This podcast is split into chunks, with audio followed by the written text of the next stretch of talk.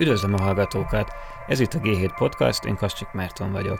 Kell ahhoz némi bátorság, hogy valaki, aki folyamatosan követi a világpiacok eseményeit, megpróbáljon jóslatokat megfogalmazni arra vonatkozóan, hogy mi fog történni, és ezeket az érveléseket nyíltan bemutatni a nyilvánosságnak egy blogon. A mai vendégem mégis ezt csinálja közel tíz éve, a blogján 2010. augusztusa óta elérhetőek a bejegyzések, de korábban is sokat idézték a gondolatait. Remélem nem sértek meg senkit azzal, hogyha azt mondom, hogy szerintem a magyar pénzügyi blogok közül ezt érdemes leginkább olvasni talán. A vendégem tehát Zsidai Viktor, aki a Citadella alapbefektetési igazgatója is. Úgyhogy szerintem kezdjünk is bele. A, az első dolog, amivel indítanám a beszélgetést, az az, hogy elég régóta követed a piacokat, és nekem úgy tűnik, hogy az utóbbi tíz évben, ugye az előző válság óta nagyon megváltozott a piacoknak a szerkezete.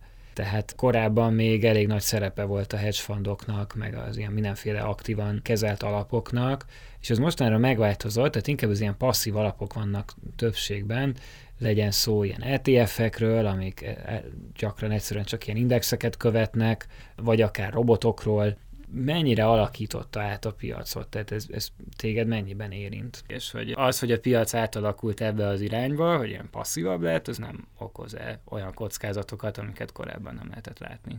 Szerintem okoz két nagyobb kockázatot, illetve majd mondanék még egy tényezőt, ami szerintem fontos a piac átalakulásnál, bár ez nem ilyen institucionális. Az kétségtelen tény, hogy a hedge fundoknak, illetve az aktívan kezelt alapoknak ez nem nagyon ment. Hogy nagyon sok új hedge fund jött létre, a hedge fund volt a szuper business, amivel mindenki nagyon sok pénzt tudott keresni. Nagyon nagy volt a homokozó, és kevesen voltak a játékosok, ezért nagyon nagy hozamokat tudtak elérni. Ugye a kiemelkedő hedge fundok 20-30%-os éves hozamokat értek el. 90-es évektől egyre többen feküdtek rá erre a területre, és nagyon sok új hedge fund jött létre, specializálódtak. Ugye eredetileg, ez szerintem tök érdekes, eredetileg a hedge fundok tényleg mindenevők voltak. Tudtak venni maláj ringitet, dél-afrikai állampapírokat, besortolhatták az aranyat, tehát tényleg az egész világban, hogyha láttak lehetőségeket, akkor, akkor arra rá tudtak ugrani. És utána kezdett kialakulni, ilyen specializálódott hedge fundok lettek feltörekvő piaci, nem piaci, sortoló hedge fund, meg még ennél is szűkebbek, ami már sokkal kevesebb lehetőséget adott. Az egyetlen vonzerő az volt ezekben, hogy le lehetett venni ugye a 20%-os sikerdíjat. Ez a klasszikus Eskimo meg fóka probléma volt, nagyon sok lett az Eskimo, a fóka meg nem szaporodott meg, úgyhogy a hedge fundoknak a teljesítménye ment a kukába, és most már a hedge fundoknak szerintem egy elég nagy része az nem nagyon tud értéket teremteni, és valószínűleg a következő években sem fog. Tehát szerintem ez egy nagy változás, megyünk a felé, hogy az emberek egyre inkább emiatt a nagyon olcsó tőzsdén kereskedett alapokba, az ETF-ekbe fektetnek. Ugye ezeknek a költségszintje borzasztó alacsony, roppant alacsony. Ami nagyon fontos ezzel kapcsolatban, hogy ez meg is emelte a kockázatokat. Ugye az történik, hogy innentől fogva a Józsi bácsi meg Marin néni, ugye kiválasztja, hogy ő fog venni mondjuk egy japán ETF-et, mert nem tudom, mert azt olvasta a, a, az újságba, vagy hallotta a szomszédtól, vagy kitalálta magának, hogy ez nagyon jó lesz. Ugye nagyon könnyen régebben exotikusabb piacokra is nagyon könnyen nagyon sok ember be tud menni. És nagyon sokáig is tud tartani a bemenetel, de utána, amikor meg kijönnek, akkor meg egyszer akarnak általában kijönni. Tehát szerintem egy nagyon fontos következménye az ETF esedésnek, a tőzsdén kereskedett alapok elterjedésének, hogy sokkal komolyabb, nagyobb trendek alakulhatnak ki, és sokkal nagyobbak lehetnek a túlzások mind fölfele, túlértékeltségbe, mind alulértékeltségbe. Szerintem ez egy nagyon fontos dolog. A másik fontos ö, ilyen intézményi jellegű változás, hogy megjelentek ezek az algoritmikusan kereskedő alapok. Sok tőzsdén már a, a forgalomnak több mint a felét ők adják. Szerintem ez, ez teljesen egészségtelen, és ez, egy, ez gyakorlatilag egy benfentes kereskedés, vagy ilyen, hogy is mondjam, benfentes információkkal való visszaélés jelent. Ugye ezek az alapok 5 nanoszekundum alatt adnak be megbízásokat, és ugye azt csinálják, hogy megelőzgetik más befektetőknek a vételi meg eladási megbízásait, megpróbálják kitalálni egy csomó esetben, hogy valaki nagyobb tételt akar venni, akkor elé állnak, és egy kicsit följebb húzzák az árat. Én, én azt gondolom, hogy ez nagyon-nagyon egészségtelen, és ezt meg kellene szüntetni, valószínűleg nem fog megszűnni ennek ellenére, óriás pénzek vannak ebben is. Ez ad egy nagy likviditást a piacoknak, de nagyon gyakran ezek az algoritmikus kereskedő programok, ugye ezek itt, itt már tényleg csak azért, hogy érzékeljük, hogy miről van szó, itt ezek a legnagyobb alapok direkt közelebb költöznek a tőzsde épületéhez, és saját vezetékhálózatot építenek ki, hogy tényleg 10 nanoszekundummal hamarabb érkezzen a megbízásuk, mint a másiknak, tehát óriás pénzek vannak ebbe benne, de ezek nagyon gyakran egy irányba kereskednek, és ugye azt gondolom, hogy azok a flash crash vagy ilyen hirtelen villámszerű összeomlások, egyébként ma éjjel láttuk pont a dollár japán piacán ezt, ezekben nagyon nagy mértékben lejátszanak ezek az algoritmikus kereskedők. Mindig azt mondják ők, hogy de hát ők óriás likviditást csinálnak a piacnak. Én azt mondom, hogy igen, csinálnak likviditást, amikor egyébként is lenne, amikor meg nincs, akkor aztán még jobban eltüntetik. Úgyhogy én abszolút nem értek egyet ezzel az algoritmikus kereskedéssel. Szerintem ez nem jó. De egyébként téged, mint egy ilyen abszolút hazamú alapnak a befektetési igazgatója, téged ez így, így személy, tehát a munkádban is frusztrál, vagy, vagy ez, ez inkább egy ilyen elméleti probléma? Nem, e, e, nem, nem frusztrál. Én azt gondolom, hogy, hogy ezek az emberek ugye kivesznek más befektetőknek a zsebéből pénzt, anélkül, hogy bármit hozzátennének a, a piachoz. Szerintem semmi hozzáadott értékük nincs. Én nekem... az, hogy, az, hogy hatékonyabbá teszik. Szerintem nem teszi egyáltalán hatékonyabbá. Ez, ez, ez, ez, ez szerintem egy teljes kamu nem befolyásol engem a befektetési döntéseimbe, tehát se, se plusz, se mínusz nem. Valószínűleg az én zsebemből is kivesznek, vagy a befektetőinknek a zsebéből is kivesznek valami pénzeket, de úgy önmagában a befektetéseim nem lesznek mások attól, hogy ez létezik. És van még egy nagyon fontos változás, ami más jellegű, mint amiről eddig beszéltünk. Szerintem ez nagyon nagy változás. 2008 óta ugye megy ez a kvantitatív enyhítésnek nevezett pénznyomtatása a világban. Ugye a jegybankok azt kezdték el, hogy nagy mennyiségben új pénzt teremtenek, amiből állampapírokat vásárolnak. És az az igazság, hogy szerintem ez azért fontos, mert korábban is voltak eszközár buborékok, hol az egyik eszközbe, hol a másikba, 1980-ban, ezüstbe, 2000-ben amerikai internetes részvényekbe, viszont azáltal, hogy ezt a hatalmas pénzmennyiséget megteremtették a jegybankok, szerintem ezzel az a baj, hogy ezzel számos, tehát egyszerre több vagy nagyon sok eszközosztályban generáltak, generálnak buborékokat, és ilyet nem nagyon láttunk még. Tehát ez, szerintem ez egy új dolog, és nem tudjuk, ez már messzebbre vezet, meg ugye nem is ez volt a kérdés, de hát úgyis a interjú alany arról beszél, amiről akar igazándiból. De ez, ez, ez, ez, mindenképpen csak el akartam mondani, mert ez nagyon érdekes, hogy ez egy monetáris politikai kísérlet. Tehát nem csináltunk még igazándiból ilyen mértékben, ilyen mennyiségben, globális szinten.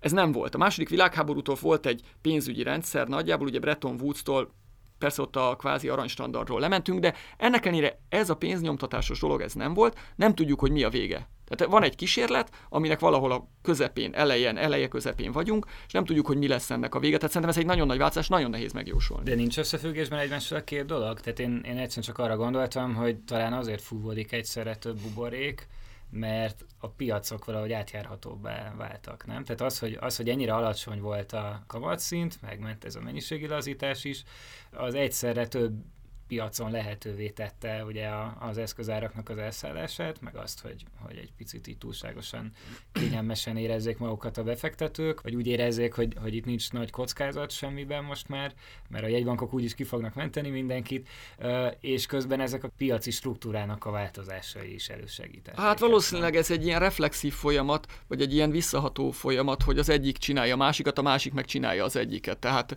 igen, igen, valószínűleg a kettő között van összefüggés, ezt így nem gondoltam még végig, de, de úgy első gondolatra mind a kettő erősíti, erősíti megerősítheti is a másikat. És arról mit gondolsz, hogy gyakran már, amikor ilyen amerikai befektetők dumálnak, mostanában gyakran nem is ilyen különálló sztorikról beszélnek, meg még csak nem is eszköz osztályokról, hanem ilyen olyan meta folyamatokról, hogy mondjuk a volatilitást sortolják vagy longolják, és ami, ami már, már tényleg arra vonatkozik, hogy most a, az egész piacon mennyire fognak ingadozni az árfolyamok egy bizonyos időtávon. Hát ez szerintem az, hogy megjelentek, egyre nagyobb a specializáció, szerintem ez, ez, ez annak a leképződése, mint amit a hedge fundokról is mondtam, ugye azt látják a legtöbben, hogy a, annak az eltalálása, hogy mit tudom én, emelkedni fognak-e a kötvényhozamok a következő egy éve, vagy a részvényárak esni, az nagyon nehéz, meg kell, és nagyon sokan próbálják eltalálni, és ugye minél többen próbálnak valamit eltalálni, ugye annál hatékonyabb a piac, annál nehezebb a dolgunk, megpróbálnak olyan szűk szegmenseket keresni, ahol kevesen vannak. Hát ott lehet jól, tehát ez, ez, ez, ez sajnos így van, hogy ahol kevesen, kevesen kutászkodnak, ott lehet ö, megtalálni a, az aranyrögöket, hát és azért van ez szerintem ez, a, ez az extrém, hogy sortoljuk a dollárjennek a vegáját, mert majd, tehát ezt én is olvasom ezeket az elemzéseket, nem tudok ezekkel mit kezdeni. Nagyon, tehát le, le, le kell, tehát annyira le kell szűkíteni a piacot, hogy lehetőleg ne legyenek túl sokan, és akkor lehet, hogy ki lehet csiholni valami extra hozamot ebből. Aha. Ne, és hát, mint ahogy már említetted, ennek az ilyen pénzbőség korszakának most már vége, elkezdtek a jegybankok egy ideje most már újra kamatot emelni, meg kiszívni a likviditást a piacból, és hát ezzel párhuzamosan ugye most már elkezdtük látni annak a jeleit is, hogy itt a reálgazdaságban is mondjuk így a konzervatív IMF úgy fogalmazott, hogy tetőzött a globális növekedés tavaly, ami azt jelenti, hogy innen már inkább lefelé fog menni. Te mire számítasz? Hát én elég sokat írtam erről az elmúlt két évben, úgyhogy aki, aki olvasott valamit tőlem, nem fog annyira meglepődni. Több folyamatot látok, amik veszélyesek. Az egyik a Kínának a szerepe. Kína az szerintem a legtöbb ember számára egy kicsit egy fekete doboz, tehát nehéz megmondani, hogy itt a növekedésük hogy fog alakulni, de úgy néz ki, hogy egyrészt eléggé-eléggé régóta tart Kínában a fellendülés, nagyon jelentős mértékben hitelre alapozott, és egy kicsit ez ilyen homokra épített háznak tűnik, tehát hogy jelentős kockázatok vannak, amit akar a kínai vezetés kezelni, aminek a következményei lassulás. Erre rájött még a kereskedelmi háború, az amerikaiakkal a lehető legrosszabb pillanatban, valószínűleg nekik, ami alapján az látszik, hogy Kína, ami gyakorlatilag az elmúlt 10-15 évben a világ globális növekedésének, a globális GDP növekedésnek, most nem akarok hülyeséget mondani, felét adta. Ez most így, hát ilyen kérdésesnek látszik, hogy mennyire fog tudni hozzájárulni a következő években a növekedéshez. Szerintem nagyon nehéz megmondani. Minden esetre lefele mutató kockázatok jóval nagyobbnak tűnnek, mint a felfele mutatóak. Úgyhogy Kína irányából van egy nagy kockázat. Plusz ugye erre jött rá még az, hogy elkezdődött ez a pénz visszaszívás, ami ugye a, a pénznyomtatás szerintem ez teljesen érdekes, hogy ezt, eznek az a neve, ugye ez a Portfolio Balance Channel, ez úgy működik, hogy megveszi a jegybank frissen teremtett pénzből az állampapírt. De aki eladta az állampapírt, annak ott lesz a zsebébe a pénz. Neki is kell venni valamit, hát de az állampapírt már nem veszi meg, mert annak már túl alacsony a hozama, akkor ő vesz valami kicsit kockázatosabb vállalati kötvényt. Aki eladja neki a vállalati kötvényt, annak a zsebébe is ott lesz a pénz.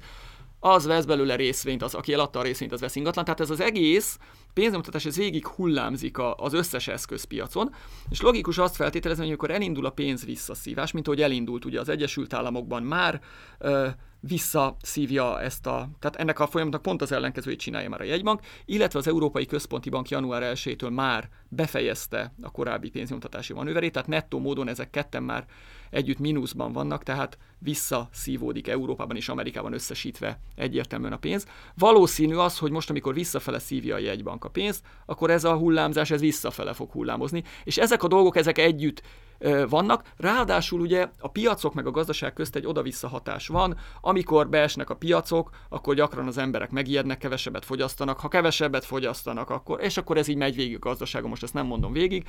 Kevesebbet fogyasztanak, akkor kisebb a cégek profitja, akkor rosszabb lesz a kilátásuk, még tovább esik a részvényár. Tehát ezek egymást erősítő folyamatok. Úgyhogy itt sok dolog összejött szerintem egyszerre a világba, ami azt mondatja velem, hogy valószínűleg lesz egy lassulási folyamat, aminek az lesz a vége, hogy meg fognak ijedni valószínűleg a jegybankok egy idő után, és én attól tartok, hogy újra fogják kezdeni ezt a pénznyomtatási módszerüket, vagy ezt a QE-t újra fogják kezdeni majd. Én azt gondolom, hogy az fogja kijelölni ennek a lassuló ciklusnak a végét. Aha, és van ennek felső korlátja szerinted? Mert egy, tehát én emlékszem, hogy még a válság idején csomószor beszéltek arról, hogy most, hogy levittük a kamatszintet nullára, most már nem tudjuk tovább vágni. És azért annyira most se távolodtak el a nulláról, hogy egy, hogy egy például egy kamatvágás valódi élénkítés jelentsen a, a, a gazdaságban. Azt viszont látjuk, hogy, hogy elkezdek fúvódni a, a jegybankoknak a mérlege, és igazából ennek nem lettek uh, ilyen reálgazdaságban érzékelhető következményei. Hát nyilván ők azt remélik, hogy azért lettek, de egyébként én egyetértek ezzel. Mármint úgy értem, hogy negatív, tehát nem lehet hiperinfláció például. Ja, igen, igen, igen. Én is ezt, ezt szerintem sokan benézték, én is benéztem 2008-ban. Ugye az történik, hogy amikor a jegybankok pénzt nyomnak, új pénzt teremtenek, akkor ugye azzal valami történik. Na most a korábbi időszakokban, amikor a jegybankok beindították a valódi pénzjegy nyomdát, az általában az történt, hogy a költségvetési deficiteket finanszírozták vele. Vagy mondjuk most ez történik Venezuelában.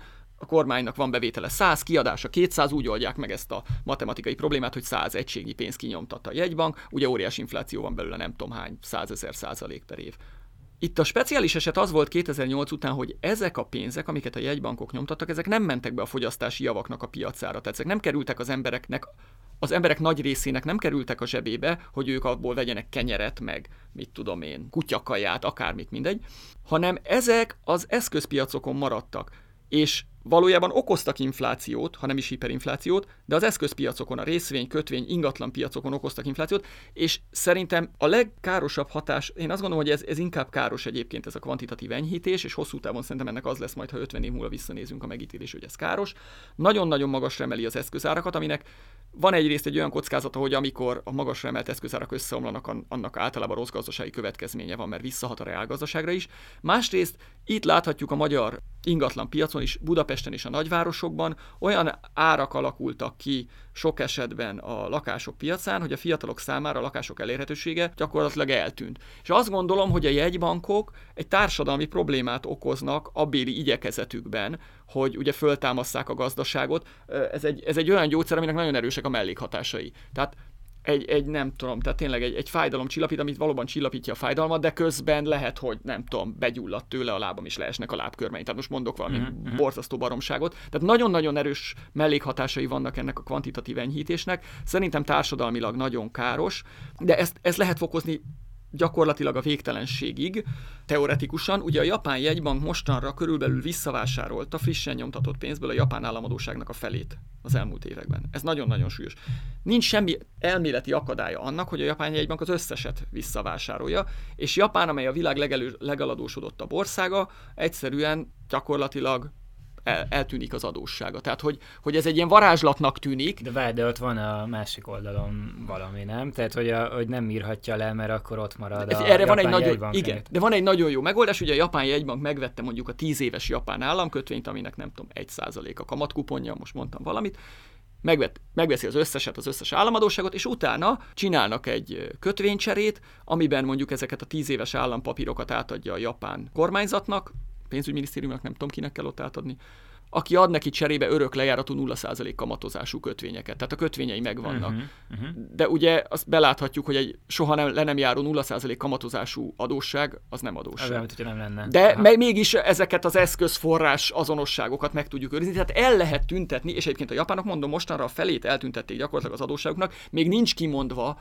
hogy ez el van tüntetve, mert a japán jegybanknál van, aki fű, így független, meg úgy független, de valójában, és ez is egy fontos változás, mindig eszembe itt valami, bocsánat, csak hogy mindig Semmi újabb van. témákba kerülök, hogy a 2008 óta én azt gondolom, hogy a jegybankok nagyon sok esetben elvesztették részlegesen a függetlenségüket, már abból a szempontból, hogy azáltal, hogy bementek ilyen területekre, amik a gazdaságpolitikának a területei, ezáltal nekik valamilyen módon össze kell hangolni, egyeztetni kell a tevékenységüket a helyi kormányzattal, pénzügyminisztériummal. Szerintem ugye a 70-es, 80-as évektől 2008-9-ig a jegybanki függetlenedés időszaka volt, nagyon komolyan vetik a jegybanki függetlenséget. Most szerintem megyünk egy olyan irányba, hogy egyre kevésbé lesznek függetlenek a jegybankok. Valójában egyre több helyen a kormányzatnak egy részegységeivé válnak, ami nem, én nem, akarok, nem értékítéletet akarok mondani, de ez egy szerintem egy fontos változás. Tehát igazándiból az, hogy a jegybanknál vannak ezek az államkötvények, az már majdnem olyan szerintem, mint a ennek inkább a veszélyeit látod? Tehát ugye korábban nyilván ez megvolt, hogy, hogy azért kell függetlennek jelenni a jegybanknak, hogy, hogy ne egyszerűen a bankoprés legyen, mert akkor Igen. nem lesz hitele a monetáris politikának, Igen. meg nem lesznek a, az árak sem lehorgonyozva a jövőben, de például közben egyre népszerűbb ez a modern monetáris elmélet, ami meg, ami meg azt mondja, hogy tulajdonképpen lehet tolni a, a, a pénzt, ahogy csak lehet, meg gyakorlatilag bármeddig lehet akár fiskális deficitet is csinálni, hiszen ez ellensúlyozható, meg menedzselhető más utakon. Erről mit gondolsz? Szerintem ez egy tök érdekes dolog, és ez körülbelül ugyanaz, mint a liberalizáljuk a gazdaságot, vagy, vagy az állam kerüljön a középpontba. És mind a kettőnek vannak előnyei, meg hátrányai is, és az látszik, legalábbis az elmúlt mondjuk száz évben legalább volt, vagy három ilyen ciklus. A 20-as években egy óriás liberalizálás volt 1920-as években. A válság után egy államközpontosítás, államosítások, szigorú szabályozások a 70-es évek problémái elhozták a 80-as években ismét a liberalizálást. Most ugye megint megyünk egy inkább ilyen állami szabályozás felé, akár hogyha mondjuk megnézzük mondjuk a bankok szabályozását. És szerintem egy kicsit hasonló a helyzet a jegybankoknak a függetlenség, nem függetlenségével, hogy ez is egy ilyen folyamatos, hogy néha azt tűn, tehát amikor nagyon függetlenek, akkor kiderül, hogy annak vannak problémái, és akkor jobb, ha kevésbé függetlenek, de amikor már, már nagyon függőek az államtól, akkor kiderül, hogy annak mik a problémái, és általában az első években az előnyeit szoktuk érezni a váltásnak, és szerintem most is ebben vagyunk, hogy végül is nem olyan nagy baj, hogy összehangolják a dolgokat a jegybankok meg a kormányzatok, viszont előbb-utóbb, ha nagyon függőek a jegybankok, akkor a történelemben annak általában az lett a vége, hogy infláció lett, mert elinflálták a pénzt, mivel ugye egy politikusnak mindig mi a jó? A politikus mindig alacsony kamatot akar. Mindig. Tehát őt nem érdekli az infláció, ő alacsony kamatot akar, mert az alacsony kamat jelenti a növekedést, a növekedés jelenti azt, hogy több pénze van a szavazóknak, ha több pénze van a szavazóknak, akkor megint meg fogják választani. És minél inkább a politikusok befolyása alatt van egy jegybank, ugye annál inkább nem fogja igazán érdekelni az infláció, az alacsony kamat és a növekedés örökös hajszolása válik a, az egyetlen. Ugye ezért hozták létre a független jegybankokat, hogy ne politikusok legyenek ott, akik azt mondják, hogy engem nem érdekel, hogy esetleg ebből gazdasági probléma lesz. Az 1979-81 között, amikor Paul Volcker a Fednek az elnöke megtörte az inflációt az Egyesült Államokba, hát egy csomószor ki akarták rúgatni, azt mondták, hogy ez megőrült ez az ember. Hát olyan recesszióba taszítja az Egyesült Államokat, hogy hát ez, ez el, elfogadhatatlan, azonnal nem tudom, meg kell ölni. Ez, és azóta utána 30 évig őt dicsérték, hogy milyen jó, hogy megtörte az inflációt, és egy 30 éves dezinflációt megindított. Tehát a jegybankárok arra vannak, hogy meghozzák a fájdalmas döntéseket, amikor azt nem hozná meg a politikus, mert kimennek tüntetni ellene, meg jön a választás, akkor azt mondja, hogy á, inkább mégse. Na most nyilván, ha elveszíti a függetlenségét a jegybank sok helyen, akkor ez megint előjön majd ez a probléma. Nem tudom, hogy ez mikor jön elő, de minél inkább teret nyer ez a Modern Monetary Theory, minél inkább függőek lesznek a jegybankok, annál nagyobb lesz az esély, és most nem 5 hónapos, meg egy éves, meg ilyen távokról beszélünk, hogy a következő 5-10-15 évben előbb-utóbb egyre több helyen fölüsse a fejét az infláció. Ez a megalapozása annak, ami majd megint rákényszeríti az embereket, hogy független jegybankokat csináljanak. És akkor kezdődik az egész előről. Aha. De egy másik témát. Igen. Most a karácsonyi szünetben elég nagyot esett az amerikai tőzsde, és az amerikai pénzügyminisztert sokat gúnyolták ebben a néhány napban, mert elkövetett egy, egy ilyen elképesztő amatőr hibát, hogy felhívta a bankokat, hogy minden rendben van-e a likviditással. Miközben ugye senki nem gondolta azt, hogy, hogy bármi gond lenne, de ez klasszikusan az a helyzet, amit amikor valaki azt mondja, hogy semmi pánik, semmi pánik, és akkor mindenki megkérdezi, hogy ja, akkor pánikolnunk kéne. És ezt azért mondom ezt a sztorit, mert bennem ez az eset felvetette azt, hogy 2008-ban még senki nem vetette fel azokat a kérdéseket, hogy felnőttek vezetik-e a, a globális politikát, mint ma, amikor ugye az eurozóna sem éppen a legstabilabb helyzetben van, a, a, az, az USA-ban is pedig hát elég gyakran ilyen bolondokháza helyzet tűnik fel, meg már nincs is meg az az ilyen nemzetközi rend jellege a világnak, amikor mindenféle kereskedelmi háborúk vannak, meg szankciók, meg mindenféle. És ez nem kavarhat be szerinted a következő válságban, vagy ennyire nem kell foglalkozni a politikusokkal? Szerintem abszolút kell foglalkozni a politikusokkal, de itt is érdemes megnézni, hogy mi ez az egész folyamat.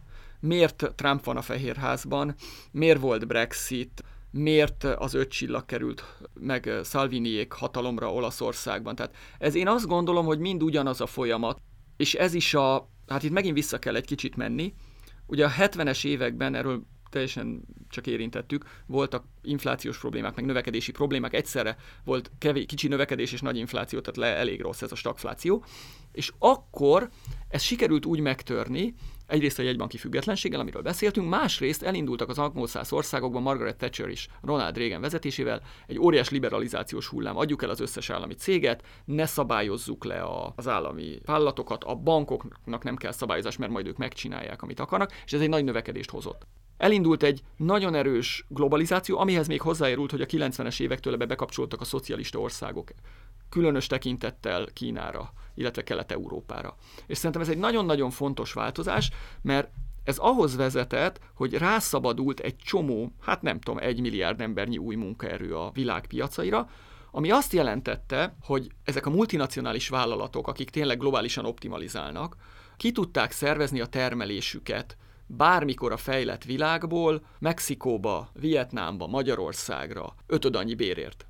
És ez egy nagyon-nagyon fontos dolog, ha megnézzük az elmúlt 20-30 évét a fejlett országoknak, akár USA, akár Anglia, akár Európa, akkor azt látjuk, hogy a középosztály és az alsó középosztály bérei reál értékben vagy nem nagyon nőttek, vagy csökkentek. És ugye ez azért van, mert gyakorlatilag ez a nemzetközi optimalizáció miatt kiszervezték a munkahelyeket, és a, és a középosztály, illetve az alsó középosztály ezt érzi, ezt látja Miközben, miközben azt is látja, hogy feljövőben vannak az olyan országok, mint Csehország, Kína, Egyrészt az egyik oldalról, másik oldalról meg a saját országainak a gazdagjai, azok iszonyatosan gazdagodnak. Tehát ők bekerültek itt a Skylla és Karibdis közé, mindenki gazdagodik, a, a fejlődők is gazdagodnak, meg a nagyon gazdagok is gazdagodnak, ők meg ott maradtak. Ugye ez, ezt szokták így lenézően white trashnek ezt a réteget mondani, de ez egy elég széles réteg, tehát szerintem ez a lakosságnak legalább 20-30-40-50 százaléka országtól függően, akik a globalizációnak a vesztesei. Szerintem ez egy nagyon fontos dolog, hogy ennek a liberalizált globalizált világnak nagyon sok vesztese van a fejlett világban. Összességében, ha megnézzük, a világ egészét tekintve, én azt gondolom, hogy inkább olyan 80% a nyertese ennek. Tehát az össze, a fejlődő világ nagy része a nyertese. Viszont a fejlett világban egy nagyon-nagyon nagy része van a lakosságnak, aki ennek a vesztese, és ezek az emberek, ezek az emberek nem nagyon voltak képviseltető, ugye kialakult ez a globalizált, liberalizált konszenzus, ami most függetlenül attól, hogy most éppen kereszténydemokraták vagy szociáldemokraták kormányoztak ezekben a fejlett országokban, azért ez megmaradt. Legyen szabadkereskedelem, ne vesszünk össze senkivel, a cégeket ne adóztassuk nagyon, mert az nem nagyon jó, mert elmennek, meg elviszik a, még azt a kevés munkahelyet is, ami van. És, és azt látták az emberek, és szerintem 2008 óta van ebben egy fordulat, hogy ez nekik nem jó. És elkezdenek megválasztani olyan embereket, akikről azt vélik, mivel a, a mainstream pártok nem veszik föl, nem foglalkoznak velük, és ez szerintem egy nagyon nagy baj, hogy nem foglalkoznak velük, nem fogadják el ezeknek az embereknek a véleményét, vagy az ő, azt, amit ők megélnek, ezt nem, igen, ez nem látják. az ilyen hagyományos szocdemeknél érdekes, nem? Hogy... Igen, igen, igen, tehát ők, ők, ők is beálltak ebbe a, mint ahogy Magyarországon is, a Magyar Szocialista Párt is, ugye nagyon uh-huh. fura volt, hát egy, egy teljesen liberális világkép alapján abszolút nem egy baloldali pártként viselkedett. És akkor jönnek a vesztesek, akik azt mondják, hogy nekem kell, hogy képviseljen, képviseletem legyen, és, és aztán nyilván, ha a mainstream pártok, akik ezt esetleg tudnák olyan csatornába, olyan politikákkal csinálni, ami esetleg jó lesz ezeknek az embereknek, de nem cseszi szét, hogy most így mondjam, a, a világ összes gazdaságát. Ha nincsenek ilyenek, és ezt nem csinálják meg, és én azt látom, hogy nem csinálják meg, még mindig nem értik ezek a mainstream pártok, akkor jönnek ezek a politikai kalandorok,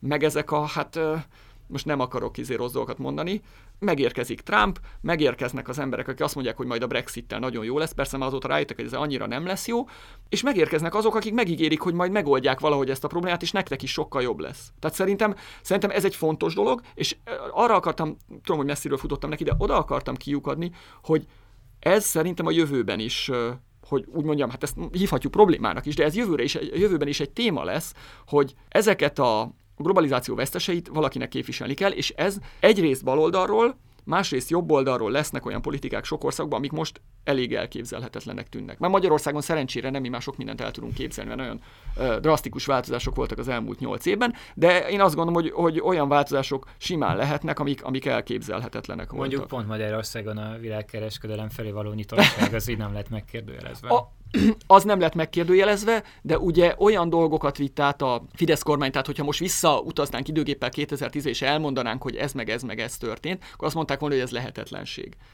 Nagyon sok ilyen intézkedésük volt, de például, a, most csak mondok egy példát, hogy ne csak itt a magyar politikánál maradjunk, a brit Labour Partynak az egyik akiknek azért van esélyük, hogy valamikor a következő egy-két évben akár kormányra kerüljenek. Egyik fontos programpontja, hogy a nem tudom hány főnél nagyobb vállalatoknak a tulajdon részének nem tudom 20 vagy 30 százalékát, az be kell rakni egy ilyen külön részvényalapba, és ezt a munkás tanácsok fognak ezzel szavazni, és az osztalékokat ők fogják megkapni.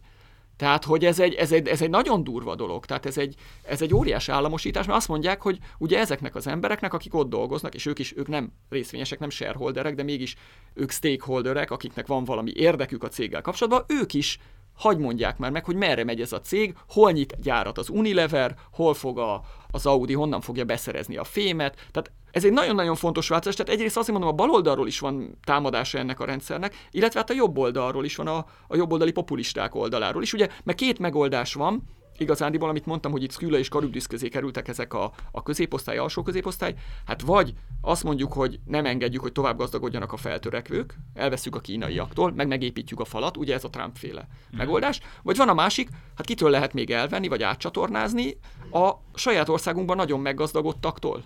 Tehát őtőlük is el tudjuk venni. Tehát, tehát hát azt is... jobban merül, jog, joggal merül fel, azt hiszem. Abszolút, ez szerintem ez teljesen jogos. Absz- ez, ez, ezek szerintem teljesen jogos követelések, de és csak azért mondom, hogy ez fontos, mert szerintem simán lehet arra számítani, hogy a következő tíz évben mind a jobboldali populisták, mind a baloldali egyenlősítő szocialisták oldaláról megtámadásra fog kerülni ez a mostani liberális globális kapitalizmus. Ennek lesznek következményei a tőkepiacokon is, amiről beszéltünk, mert nyilván, hogyha azt mondják, hogy figyeljetek, mert ezek a cégek túl sokat keresnek. Inkább adjanak magasabb fizetést a dolgozóknak, annak azért lesz következménye. Egyrészt magasabb fizetések lesznek, ami valószínűleg magasabb inflációhoz vezet, másrészt ezeknek a cégeknek kevesebb lesz a profitja. Meg kevesebb a cégeknek a profitja, akkor kevesebbet érnek a tőzsdén. Ha magasabbak a fizetések és magasabb az infláció és magasabbak a kamatok, az is oda vezet, hogy kevesebbet érnek a tőzsdén. Tehát én azt látom, hogy mind a két irányból ezek a nagyon, az elmúlt 30 évnek a hatalmas tőzsdei szárnyalása, az nagyon nagy veszélyben van mind a kamat tok oldaláról, infláció oldaláról, mind arról az oldalról, hogy ezeknek a cégeknek túl sok a profitja, el kell tőlük venni, és el is fogják. Na jó, de visszajutunk itt szerintem ahhoz a problémához, hogy amikor viszont látni fogják például most hatalmon lévő politikusok, hogy úristen itt pánik van, esnek az árfolyamok, stb., akkor viszont nem lépik meg ezeket a dolgokat, nem? Tehát a Trump is úgy került hatalomra, hogy ő majd a, a lecsúszott vidéki fehéreknek a, a megmentője lesz, de ehhez képest azért eléggé ilyen hagyományos republikánus piacpárti embereket rakott pozícióban. Most volt néhány ilyen szimbolikus politikája, mint az, az acélvám, amivel ezeket a az ígéreteit akarta megvalósítani, de azért alapvetően ő továbbra is, amely, tehát például, hogyha mondjuk elkezdene az látszani, hogy a, az amerikai vállalati kötvények piacán valami nagyobb probléma van, akkor azért szerintem például most nehezen elképzelhető, hogy ne, ne lépjenek közbe. Abszolút közbe fognak lépni, ezzel egyetértek. Tehát, hogyha piacokon zavarok vannak, akkor megpróbálják majd megtámasztani. De vannak olyan gazdaságpolitikai intézkedések, amik aztán már visszafordíthatatlanná válnak. Én azért azt gondolom, hogy az a kereskedelmi háború, ami elkezdődött, és talán a globalizációnak lehet, hogy egy időszakos kitetőzéséhez vezet, ez mindenképp olyan dolog, ami éveken át fog hatni. Az, hogy a britek megszavazták a Brexitet, ez éveken át fog hatni. Tehát, hogy vannak olyan változások, amiket ha megcsinálnak, akkor az nagyon-nagyon sok éven át, és gyakran visszafordíthatatlanul bele fog kerülni ezeknek az országoknak a gazdaságába, a gazdaság történetébe, és hatni fognak. Tehát nyilván ellenzékből okoskodni, meg választás előtt mondani nagyokat mindenki tud, és általában, amikor kormányra kerül, az a jellemző, hogy akkor visszavesz mindenki. Tehát ez teljesen standard ö, dolog, de azért mégiscsak lesznek változások, én azt gondolom. És lehet, hogy később kiderül, hogy nem jó, de akkor meg már késő lesz ezeket megcsinálni. Tehát gazdaságpolitikai hibák mindig is voltak az elmúlt évtizedekben, most is lesznek, és ezek viszont szerintem abból fognak adódni, hogy megpróbálják valamilyen módon ezeket az embereket képviselni. Aha. Ez, ez tök jól átvezet a Magyarország témára, mert ugye ez a kereskedelmi háború, meg mindenféle ellátási láncok problematika, ez, ez Magyarországot a legelsők között fogja érinteni. De ezzel kapcsolatban megkérdeznünk tőled az egyik rejtét, ami engem évek óta nagyon foglalkoztat, és ez az, hogy hiába emelkedik Magyarországon a fogyasztás, most már évek óta, meg a bérek is, de valamiért a külső egyensúly az nem romlik tehát a folyófizetési mérleg, a külkereskedelmi mérleg az, az változatlanul többet, többletes. Ugyan egy kicsit romlott, de azért annyira nem. És szerinted ennek mi az oka? Hát szerintem azért, a, ha mögöttes folyamatokat megnézzük, elég jelentős romlás van. Tehát szerintem akár két-három éven belül el is tud tűnni a külkereskedelmi mérleg többlet. Tehát szerintem van jelentős változás, mert nő az import. Másrészt azért az van, hogy Magyarország a kelet-közép-európai országokkal együtt tényleg egy óriási nagy nyertese annak a folyamatnak, amiről az előbb beszéltünk, hogy kitelepítették ezeket a munkahelyeket, és hát gyakorlatilag a korábbi németek, franciák, olaszok, stb. munkáját végezzük itt, és szállítjuk át az ő országukba. Tehát strukturálisan is azt gondolom, hogy van egy változás emiatt, viszont szerintem nagyon jelentős a ciklikus hatás, és szerintem Magyarországon volt egy nagyon nagy összehúzódása a fogyasztásnak éveken át 2008-tól 13-ig, 14-ig kitartott jelentős részben, és ez szép lassan jön be. Én azt gondolom, hogy a folyófizetési mérleg többletünk nagy része az el fog tűnni a következő években. Azt gondolom, hogy lesz jelentős fogyasztás növekedés, és pont ez egyébként nagyon érdekes, ezt gondolkoztam, nyilván mindig az ember gondolkozik, hogyha gazdasággal foglalkozik, hogy mi, mi lesz a következő egy-két-három éve. Mindig föl szoktam állítani magamnak egy, egy ilyen elméleti modellt, hogy leírom, hogy a következő három évben szerintem mi fog történni nyilván a fejlett világban, meg Magyarországon is, mert azért Magyarország jelentős mértékben a, a nagy folyamatoknak a következménye. És én azt gondolom, hogy annak ellenére, hogy mondjuk a világban lesz valószínűleg szerintem egyelőre azt gondolom jelentős lassulás, és ez Magyarországot mint nagy nyitottsággal, tehát nagyon nyitott ország vagyunk ugye export-import szempontból, meg fogja ütni, de az egész régiónkban zajlik egy nagyon-nagyon komoly bérkonvergencia, amiből egy nagyon komoly fogyasztás növekedés adódik, tehát ez a fogyasztás növekedés szerintem áttol minket a, a következő két évben mindenképpen ezeken a problémákon. Tehát én nem látom annak nagy valószínűségét, hogy Magyarországon recesszió legyen pont emiatt. Egyébként tényleg nagyon-nagyon, tehát az Európai Unióval óriás szerencsénk volt, nem csak nekünk, a többi országnak is, aki körülöttünk van. Ugye egyrészt belénk nyomtak, nyomtak végtelen pénzt, tehát a GDP-nknek a 40%-át megkaptuk mondjuk 8-10 év alatt. Ez óriási szám. Tehát, hogy évente annyit kaptunk, mint összesen a Marshall segély volt. Uh-huh. tehát, hogy tehát e-, ettől már... Hát ön... ingyen pénz, GDP 4%-a évente. Elképe, tehát ez, ez, tehát ez most nem, nem tűnik annyira különösnek, de ez történelmi viszonylatban így, aztán soha az életben nem kaptunk ennyi pénzt senkitől így ilyen módon. Másrészt, ugye amikor nagy bajba volt Magyarország gazdaságilag, 2008-9-10, akkor exportáltuk a munkaerőnk egy részét. Tehát az, azok, akik itt munkanélküliként tüntettek volna, meg ostromolták volna meg a tévészékházat, meg nem tudom, mit csináltak volna, nyilván jogos elégedetlenségbe, azok egyszerűen kimentek külföldre. Tehát egyrészt volt egy szelep, amin el tudott távozni, és, és gyorsabban ki tudott egyensúlyozódni a magyar gazdaság. Szerintem ez nagyon-nagyon fontos, és, és ez, de nem csak a magyar, ugyanígy a román, vagy a cseh, vagy a szlovák is, vagy a lengyel. Másrészt viszont meg még emellé kaptuk ezt az óriási mennyiségű pénzt, tehát a, a, ez a régió, ez egy nagyon komoly elképesztő történelmi szituáció az, ami az elmúlt 8-10 évben zajlik, és ennek köszönhetően van egy erős konvergencia fejlettségben, bérekben, ami szerintem egyenlőre még tartani is fog, mindaddig, amíg, és itt nyilván ez egy nagy kérdés, hogyha ezt politikailag megunják az európaiak, hogy ugye adjuk nekik a pénzt, és közben itt az asztal közepére akkor az nem biztos, hogy annyira jó lesz. Tehát ezt, ezt nyilván nem tudom megmondani, hogy ez bekövetkezik-e.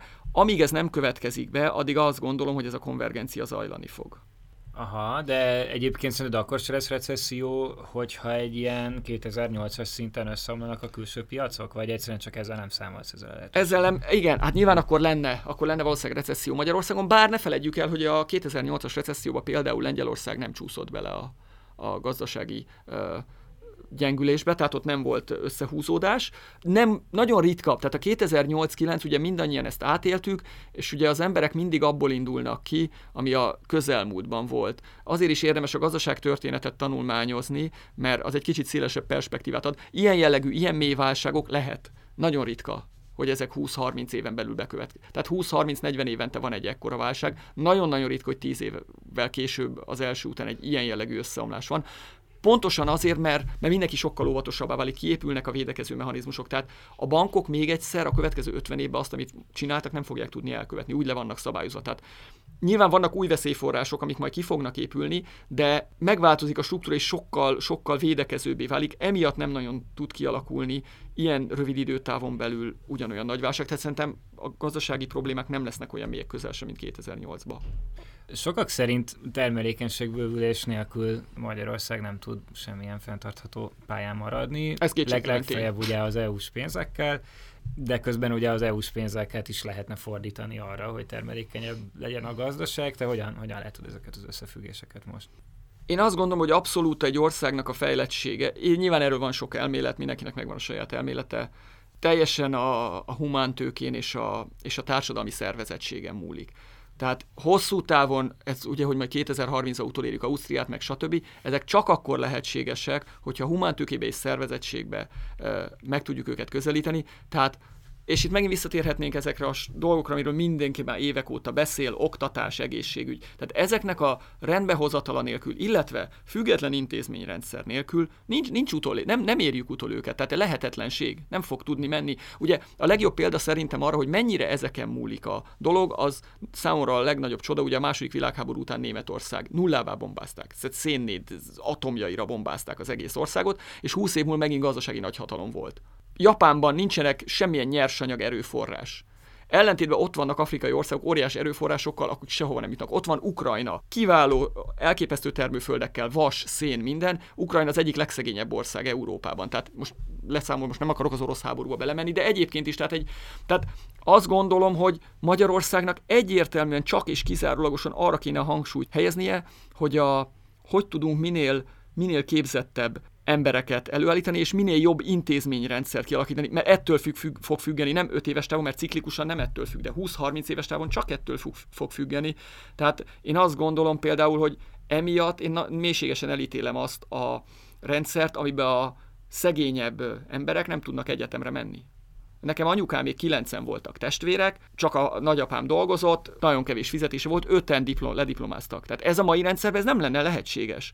És ez szerintem nagyon-nagyon nagy baj. Tehát pont erről beszélünk, és a szocializmusnak minden problémája mellett azért volt egy olyan eredménye, hogy egy nagyon széles, szegény, paraszti réteget fölemelt és lehetővé tette az oktatásukat. És, és szerintem most is azért erre kellene törekedni, hogy mind, tehát Szerintem az nem baj, hogyha az embereknek még akkor is, igen, tudom, sokba kerül, meg vannak, akik olyan diplomákat szereznek a kormányzat szerint, aminek nincs értelme, de nem az a lényeg, egy, egy főiskolai vagy egy egyetemen eltöltött két, három, négy, öt év megváltoztatja az embernek a világszemléletét, képessé teszi arra, hogy új ismereteket szerezzen, hogy kell könyvtárba menni, honnan kell információkat megszerezni, ezen fog múlni. Tehát, tehát én azt gondolom, hogy csak, csak erre kéne fordítanunk.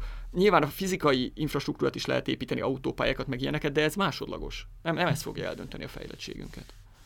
Gyakran érik támadások a mostani magyar gazdaságpolitikát azzal kapcsolatban, hogy bizonyos piacokon nem igazán érvényesül a verseny, sőt néha kormányzati irányítással zajlik járadékvadászat bizonyos kedvezményezeti körök érdekében. Neked van valamilyen saját használatú becslésed arra, hogy ez mekkora károkat okozhat Magyarországnak?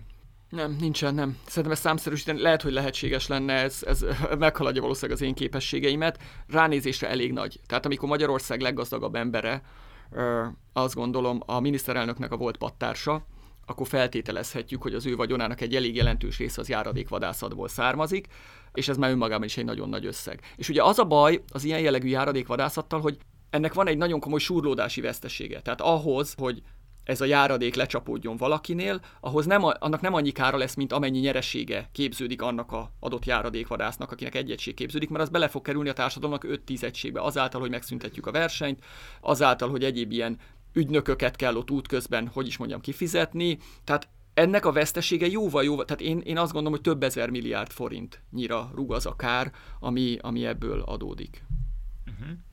Szoktál írni néha az ilyen ingatlan piacról is Igen. Magyarországon, meg most is utaltál rá, hogy ez egy elég jelentős részben a jegybanki politikának köszönhetően emelkednek az árak, és ez amúgy csak úgy érdekel, hogy szerinted mostanában hogy áll a budapesti ingatlan piac, így mennyire spekulatívak a vevők, mik a szerinted a kilátások a következő években? Igen, ez egyébként tök érdekes, amikor írtam egy cikket 2014-ben arról, hogy emelkedhetnek 50%-kal a budapesti lakásárak, olyan 7 mail áradatot kaptam. Tehát csak ezt azért mondom, négy-öt év telt el, és teljesen megváltozott a gondolkodás az embereknek, és már senki sem emlékszik arra, hogy mindenki mennyire pessimista volt 2014-ben, hogy mondták, hogy ez teljesen hülye, hát mi mitől emelkednének az árak a ingatlan áraknak... Ír vissza nekik most. Hát, nem, nem, nincsenek értelme, mert nyilván én is követtem el már tévedéseket, csak ez, ez, ez csak a, a korszellemre akarom mondani, hogy mennyire gyorsan meg tud ez változni. De a tény mégiscsak az, és azért is írtam meg akkor is azt a cikket, mert alapvetően az ingatlan áraknak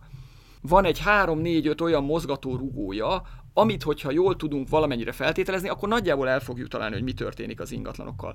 A egyik legfontosabb tényező, ugye, hogy hogyan fognak változni a keresetek, a jövedelmek egy adott gazdaságban. Ez szinte az egy, ez, ez, ez talán a legfontosabb. Én azt gondolom, hogy mivel tart ez az európai konvergencia, nőni fognak a magyar bérek, tehát ez, ez, ez egy pozitívum, támogatni fogja a lakásárak növekedését.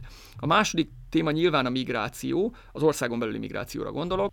Ugye egyértelműen a falvakból a városok felé van, azért mert ott van a munkalehetőség, nem látszik ebben változás, tehát továbbra is mennek a városok felé, tehát a migrációban nincs változás. A következő nagy eldöntője annak, hogy merre mennek az ingatlanárak, az az szokott lenni, hogy milyen hitel lehetőségek vannak. Úgy tűnik, hogy a Magyar Jegybank tartósan, viszonylag alacsony hitelkamatokat kíván tartani, hogy támogassa a gazdasági növekedést. Nyilván most már lefele nehezebb az út, mint fölfele, de azt gondolom, hogy ez is még egyenlőre inkább pozitívum. Viszont a, a, ami meg negatívum, az, hogy az árazások már eléggé magasan vannak, de az árazás önmagában attól, hogy valami drága, az nem jelenti azt, hogy olcsóbbá fog válni. Én azt látom, hogy a következő egy-két-három évben még valószínűleg emelkedni fognak a lakásárak, ha bár valószínűleg már nem olyan ütemben pont az árazás miatt, mint korábban, tehát nem tud az a hatalmas robbanás bekövetkezni, de hát amíg a keresetek, amíg a hitel lehetőség, a hiteleknek az elérhetősége nem nagyon változik, és a migrációban nincs változás, és ezekben egyikbe se látok változást, addig nem látom, hogy miért ne folytatódna a lakásárak emelkedése, ami baj. Már abból a szempontból baj, akinek van lakása, van még egy, meg még egy, meg még egy lakása, annak jó, de pont amiről beszéltünk itt korábban, hogy ez nagyon-nagyon lecsökkenti a szociális mobilitást, tehát hogy a társadalmon belül nagyon-nagyon nehézé válik följebb kapaszkodni a, a jóléti létrán, ami, ami megint csak káros egy társadalom számára, ez megint csak egy olyan dolog, ami hosszú távon gazdasági problémákhoz fog vezetni. Jó, utolsó kérdés. Te honnan szoktál tájékozódni? Mik a, a kedvenc információs forrásaid? Most gondolok itt Bloomberg terminál, Twitter, híroldalak, hírlevelek, elemzések. Mi, mi, miket olvasol egy átlagos napon? Hát én alapvetően otthonról dolgozok, tehát Bloomberg terminálom nincsen, ezt elárulom, ez óriás meghökkenés szokott kelteni, se Reuters, se Bloomberg, semmi ilyesmi, az árakat követem teljesen ingyenes oldalakon, tehát hogy nulla. Tehát igazándiból én nem gondolom, hogy bármi olyan versenyelőnyel rendelkeznék bárkivel szembe, aki... Ez érdekes, mert nekem is szokott hiányozni, hogy legyen Bloomberg terminálom, mert annyival egyszerűbb onnan leszedni az ilyen mindenféle adatokat. Igen, először, amikor az ember abba hagyja ezeket, akkor hiányzik, de aztán egy pár hónap múlva már nem hiányzik annyira. Ami viszont talán fontos és hasznos, nekem a kollégáim nagyon sok elemzést küldenek, amiket különböző befektetési bankok gyártanak. Ezeknek a 80% az teljesen haszontalan, de lehet, hogy a 90. Viszont van mindig egy ilyen 10% és nem is feltétlenül az, amit írnak, hanem ott van egy grafikon, amin el tud az ember gondolkozni. Vagy ott van egy nagyon jó gondolat, amire azt mondja az ember, hogy ah, tényleg erre nem is gondoltam. Tehát, hogy ez egy nagyon nehéz, ez egy kicsit tényleg ilyen, mint amikor a szitával az aranyszemeket próbálja az ember, hogy rázza nagy rész az sár a, azt, azt úgy lapozza át az ember, és akkor néha így, így bevillannak dolgok. Tehát szerintem ez, ez fontos, de ezeknek az elemzéseknek is elég jelentős része azért levadázható. Nyilván nekem annyiba könnyebb dolgom, hogy elküldik nekem, tehát nem kell levadázgatnom ezeket, de azt gondolom, hogy gyakorlatilag ingyenes tehát kinyitja az ember az internetet, és mindent, amit a gazdasági döntésekhez szükséges, vagy tőkepiaci döntésekhez szükséges, el lehet érni, és ez egy óriási előny. Amikor én elkezdtem dolgozni 97-ben, akkor akkor egy Reuters terminál nélkül, akkor az volt még a népszerűbb sokkal, nem, nem, nem nagyon lehetett mozdulni, mert ott jöttek le az információk, ott voltak az adatbázisok, ott voltak a statisztikák. Hát most fölmegy az ember a KSH oldalára, olyan mennyiségű adatbázis. Egyébként a KSH oldala nagyon jó, nagyon sokat hmm. szoktam például használni már most. Most egyébként javult is az előző hónapban, frissítettek rajta valamit, és most még több adat érhető el hirtelen. Hát én, évek óta használom, és, és szerintem fantasztikus. Sok statisztikai hivatal, más országos statisztikai mindig vannak ilyenek, amik, amiket szoktam nézni, amikor van valami téma, egy időben görög kötvényeim voltak, akkor mindig ilyen görög híreket, meg görög statisztikai hivatalt próbáltam. Hát a magyar nagyon jó, de tényleg, tehát a, ez például nagyon jó, de, de ezek az információknak a nagy része Argentinával foglalkozok most. Tehát el lehet érni ezeket, oda megy az ember, és, és egy kis kereséssel, tehát beüti az ember a keresőbe, mindent megtalál. Tehát nincs semmi, nem tudok semmi olyasmit mondani, ami ilyen, ami ilyen egészen speciális adatforrás lenne. Aha. Na hát köszönöm szépen. Zsidai Viktor volt a vendégem. Ez volt a G7 Podcast. Jövő héten találkozunk megint.